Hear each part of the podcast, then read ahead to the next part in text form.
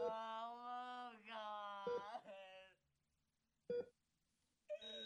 Oh. Hai guys, balik lagi sama gue Andri. Selamat datang di Lowbat Podcast. Seperti biasa, gimana hari ini? Capek ya? Sini, duduk dulu. Ambil posisi ternyaman kalian. Yang rokok, dinyalain rokoknya. Yang ngopi, dinikmati kopinya. By the way, tahu nggak sih guys, kalau selama ini gue tuh produksi Lobet Podcast pakai Anchor.fm. Karena asli, menurut gue gampang banget bikin atau rekaman podcast pakai Anchor.fm ini. Udah gratis, lengkap lagi. Mulai dari record, editing, sampai tahap distribusi ke Spotify dan beberapa platform lainnya, semua bisa dilakukan hanya dengan satu aplikasi. Buruan deh, Download Anchor.fm di Play Store atau App Store dan mulai podcast kalian sendiri. Sebelum episode ini dimulai, jangan lupa untuk follow, nyalain lonceng notifikasi, dan bantu kasih bintang ya.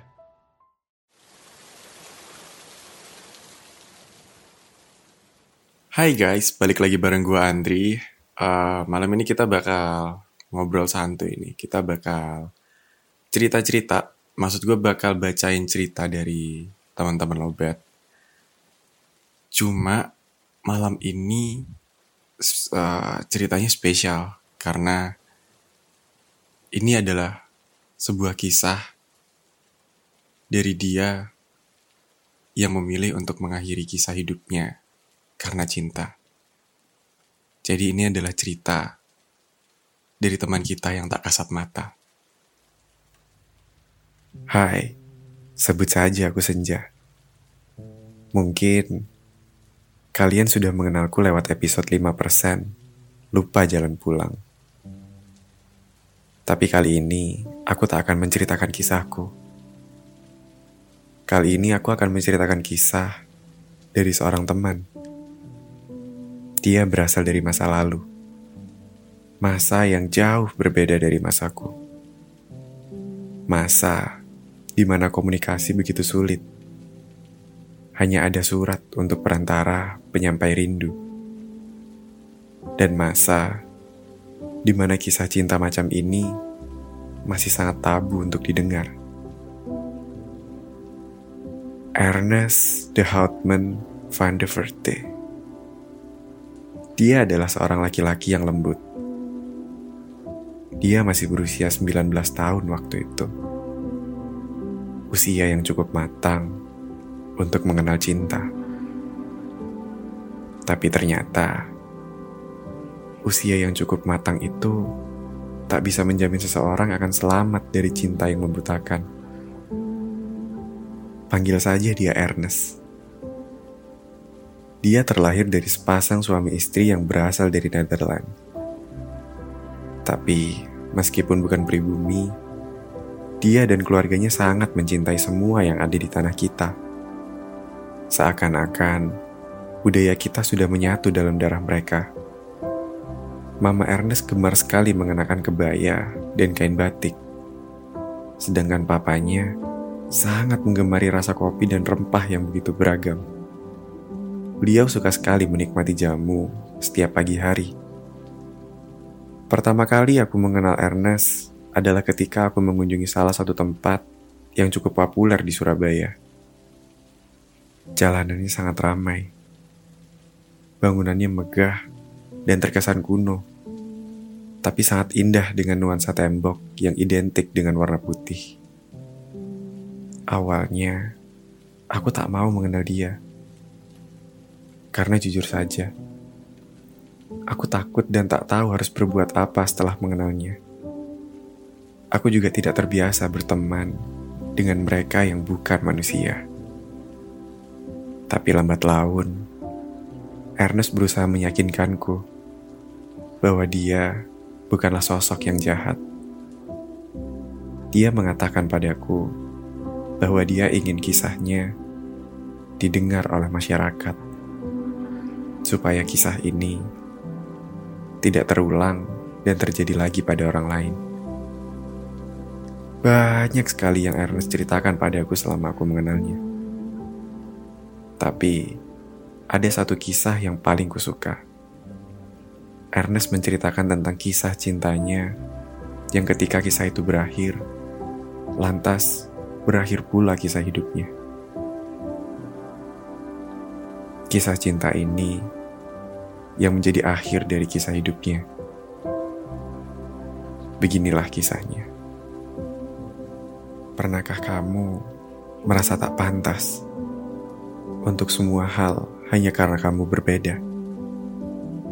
Yang kamu bisa lakukan hanya berharap bahwa kamu bisa menjadi sama seperti mereka yang membedakanmu. Sangat berat rasanya hanya untuk bisa menjadi dirimu sendiri. Karena ketika kamu menjadi dirimu sendiri, akan ada banyak hati yang terluka. Akan ada banyak orang yang kecewa. Kamu hanya bisa melakukan yang terbaik untuk membohongi dirimu sendiri. Bertahun-tahun kulalui dengan rasa hampa. Hanya dingin yang bisa kurasakan. Terus ku cari kehangatan tapi tak juga kutemukan di mana aku bisa menemui rasa hangat itu. Sampai akhirnya dia datang dan perlahan mengisi kekosongan itu. Dia datang dan menghangatkanku ketika hati ini hampir membeku. Saat itu senja sangat indah. Ketika dia bertanya, apakah arti dirinya bagiku?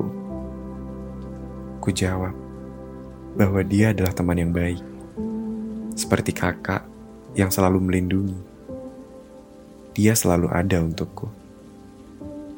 Dia kembali bertanya, apakah hanya seorang teman? Aku bingung, karena sejujurnya, aku pun tak pernah merasakan rasa itu sebelumnya. Aku tidak pernah merasa sangat itu ketika bersama seseorang, kecuali bersamanya. Sampai pada akhirnya, dia mengatakan bahwa dia cinta padaku. Cinta yang lebih dari seorang teman. Cinta yang membuat dirinya menginginkanku secara utuh. Aditya Anggoro Laki-laki yang berhasil mengisi hampa dalam hidupku. Dia mencintaiku lebih dari dirinya sendiri. Dan begitu pun dengan aku. Hari-hari hebat ku lalui bersamanya. Semua terasa sangat indah. Dia mengajarkan padaku banyak sekali hal baru. Aku suka sekali ketika dia mengajakku mengendari motornya. Berdua saja, kami melintasi dataran hijau yang dihiasi dengan atap senja dan berakhir dengan dia mengantarkan aku pulang. Seperti biasanya, dia berkata akan menjemputku esok sore untuk kembali menikmati senja bersama. Di keesokan sorenya, aku masih dengan rasa yang sama besar, menunggunya dengan tidak sabar di depan pintu rumah untuk menjemputku. Tapi ternyata, sore pada hari itu, tidak seperti sore-sore di hari sebelumnya. Senja bahkan hampir berganti gelap. Tapi dia juga tak kunjung datang. Aku terus menunggu dan menunggu. Tapi dia tidak datang. Malam itu, aku tidak bisa tidur. Aku terus memikirkan apa yang sebenarnya terjadi. Kenapa tidak seperti biasanya? Kenapa dia tidak datang? Kenapa dia tidak menepati janjinya? Tidakkah dia merindukanku? Pertanyaan yang sama terus berputar di kepalaku. Hingga pagi menjelang, dan aku masih saja tidak menemui jawabannya. Dua hari berlalu. Pagi itu, seorang laki-laki pribumi Parubaya datang ke rumahku. Aku melihatnya berbincang dengan papa. Raut wajah papa tidak seperti biasanya. Ketika laki-laki pribumi itu pergi, papa menghampiriku dia menyentuh pundakku dan berusaha menceritakan apa yang sebenarnya terjadi. Aditya sudah pergi, katanya. Lalu aku pun bertanya, ke mana dia pergi? Kenapa sangat mendadak? Kenapa tidak mengatakan apa-apa? Dia tidak akan kembali, sambung papa. Aku sangat bingung pada saat itu. Apa yang papa maksud? Saya tidak mengerti, papa.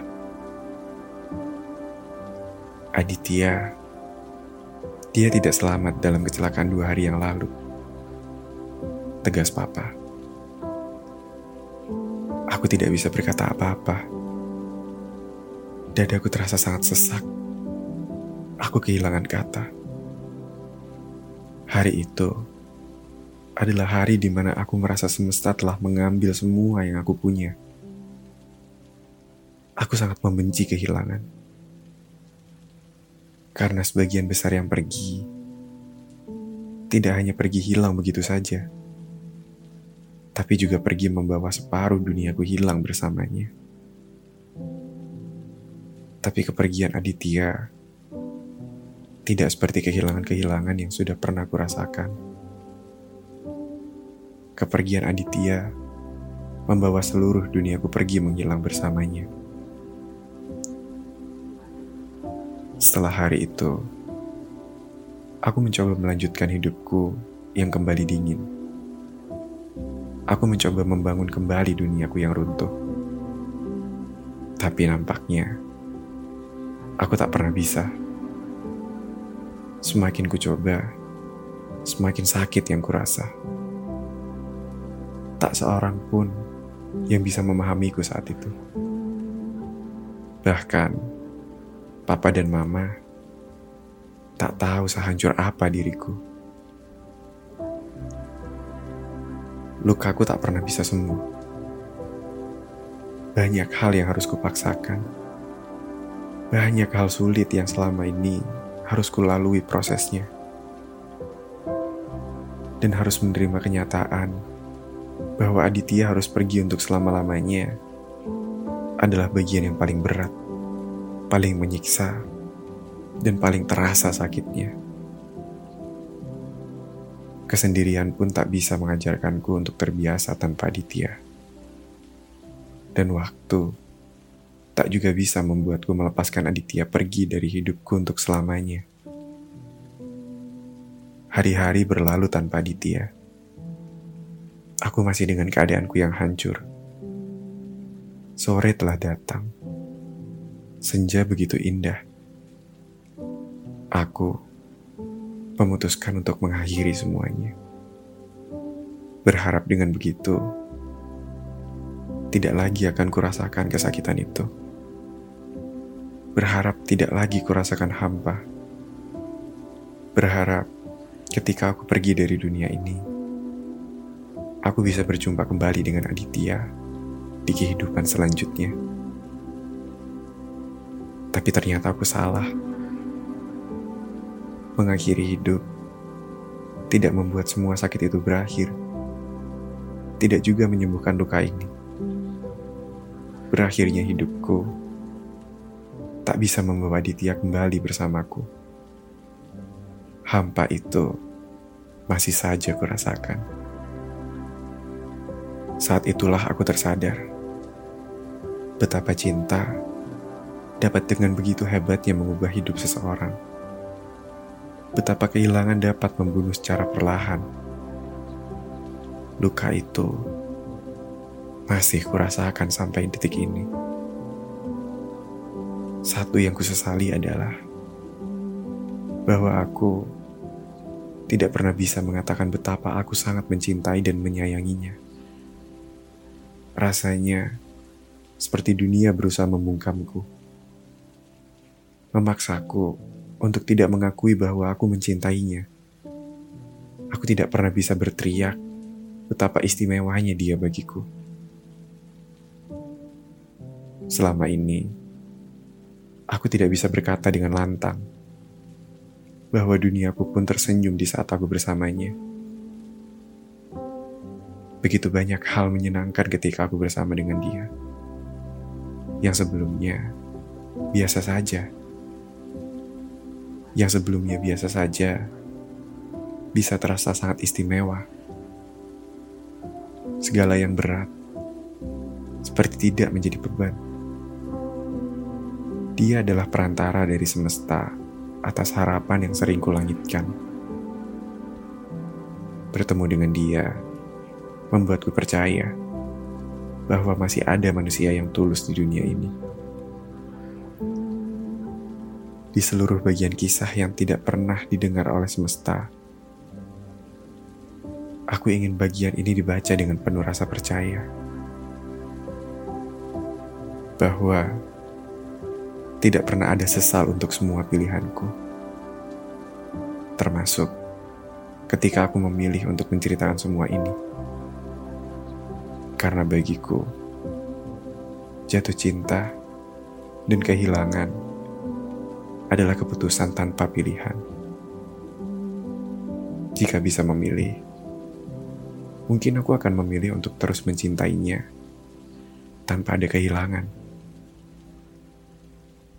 Dari kisahku, aku ingin dunia tahu bahwa setiap pertemuan pasti ada perpisahan setiap awal memiliki akhir.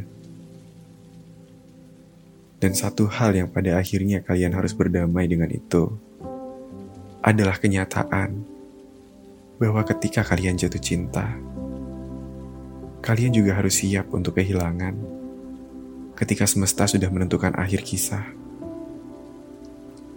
Dan dari sini, aku tidak ingin ada Ernest lain yang harus merasakan penderitaan sepanjang masa sepertiku. Hiduplah dengan baik. Cintai selagi masih ada.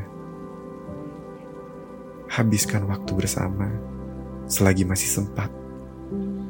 Karena kita tidak akan pernah tahu kapan waktu dan keadaan bisa menciptakan jarak. Terima kasih sudah menceritakan kisahku.